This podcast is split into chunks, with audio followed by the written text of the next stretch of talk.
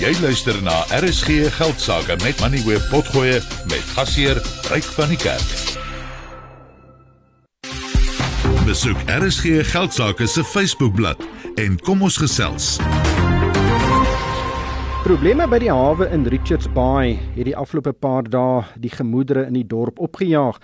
Dit spruit uit meer as 2000 vragmotors wat tou staan om steenkool by die terminaal af te lewer of dit is wat die plaaslike munisipaliteite beweer. Die probleem is so groot dat die trokke in lang rye langs die N2 geparkeer staan. Nou ek is seker luisteraars het die afgelope paar dae die foto's gesien op sosiale media van hierdie trokke wat so in lang rye staan. Die adjunkpresident van die Zululand se sakekamer het volgens News24 ook die situasie is absolute chaos beskryf. Op die lyn is Moshe Mothloyi Hy is die hoof van hawens in KwaZulu-Natal.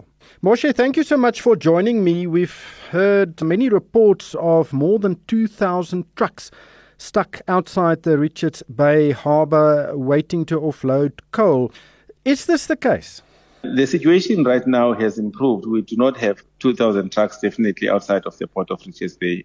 Last week we had a problem here which arose due to a number of factors, one including we had a national event that was held here in the port of Richards Bay, which then had an impact on the flow of trucks, and that resulted in the number of trucks that were seen on the road. However, we've done something about it immediately upon seeing that there was a problem. We have opened up spots within the port of Richards Bay. The port itself inside it can handle 300 trucks that are being brought into the port whilst the port is working the other trucks. We also have uh, appealed to the people who are sending trucks to the port of Richards Bay to please work with us in color coding the trucks that are coming to the port.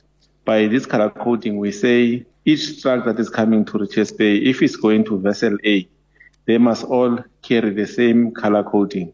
This is going to help us as we use these pockets of land within the port to stage the trucks by vessels and that is going to make the process of calling them to be much quicker and easier. We also have identified a portion of land just adjacent to the port called Naval Island. That is going to be used as an overflow area. If the 300 trucks that we can absorb into the port, maybe the number exceeds that, we'll then use the overflow area, which will be the Naval Island. We have discussed it with the municipality and we're going to co-manage the process into Naval Island together. These 2,000 trucks that were waiting at the port, that is an outlier. How many trucks are normally in the queue waiting to offload the coal?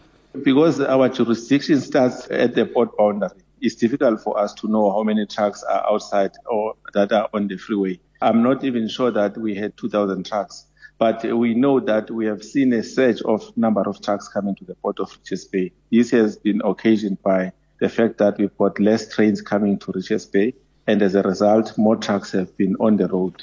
For an example, one train can take anything between 200 to 300 trucks off the road. So if you've got less trains, it then creates this demand for trucks coming to the port of Richards Bay. Do you know how much coal is delivered via rail and how much via road?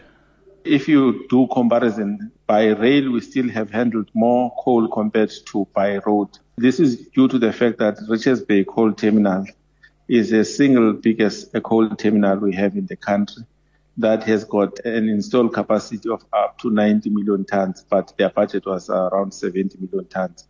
Um, On an average per day, for example, we having about 1,200 trucks coming into the port of Richards Bay over 24 hours rail handled 50,000, 50.4. Then the road is around 16, 16, uh, 16. Where is the bottleneck? Is it the port or is it the coal terminal? No, the bottleneck is from a rail. Remember, there are a few instances where our rail network is uh, either having people stealing cable. Then there is also the fact that we don't have enough spares for the other locomotives that are supposed to be bringing coal. So that's where the biggest problem is coming from. So you can efficiently export all of the coal that is delivered either by rail or by road. Remember the terminal that is designed to handle most coal is RBCT terminal that is supposed to handle They had budgeted 70 million tons for this year. So if they had enough trains, then from a loading point of view, they would have handled that much cargo. So if my arithmetic serves me right, you need an additional 4 to 6 trains arriving at the terminal every day to remove 1200 trucks a day from our roads. Remember like I'm saying, the network itself is there. What is in short supply is the actual locomotives that are coming to the port of Richards Bay due to unavailability of spares. Dit was Moshe Mosloi. Hy is die hoof van hawens by Transnet in KwaZulu-Natal. En daarmee het die tyd ons ingehaal. Baie dankie aan Jaco Jouber van PSG Wealth. Dankie vir jou bydrae vanaand. Luisteraars is welkom om na Potgoeie van vanaand se program te luister. Dit is beskikbaar by moneyweb.co.za en uh, ook die Moneyweb slimfoon toepassing. So as jy hom nog nie afgelaai het nie, laai hom af. Is baie maklik om na die uh, onderhoude te luister wat ons elke aand hier op RSG geld sake voer.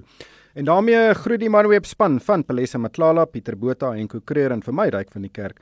Dankie vir die saamluister en hierdie program is aan jou gebring deur Absa. Jy kan aanlyn na Absa skuif en 'n business e-wallet rekening oopmaak. Jy het geluister na RSG Geldsaake met Money where potgoe elke weeksdag om 7 na middag.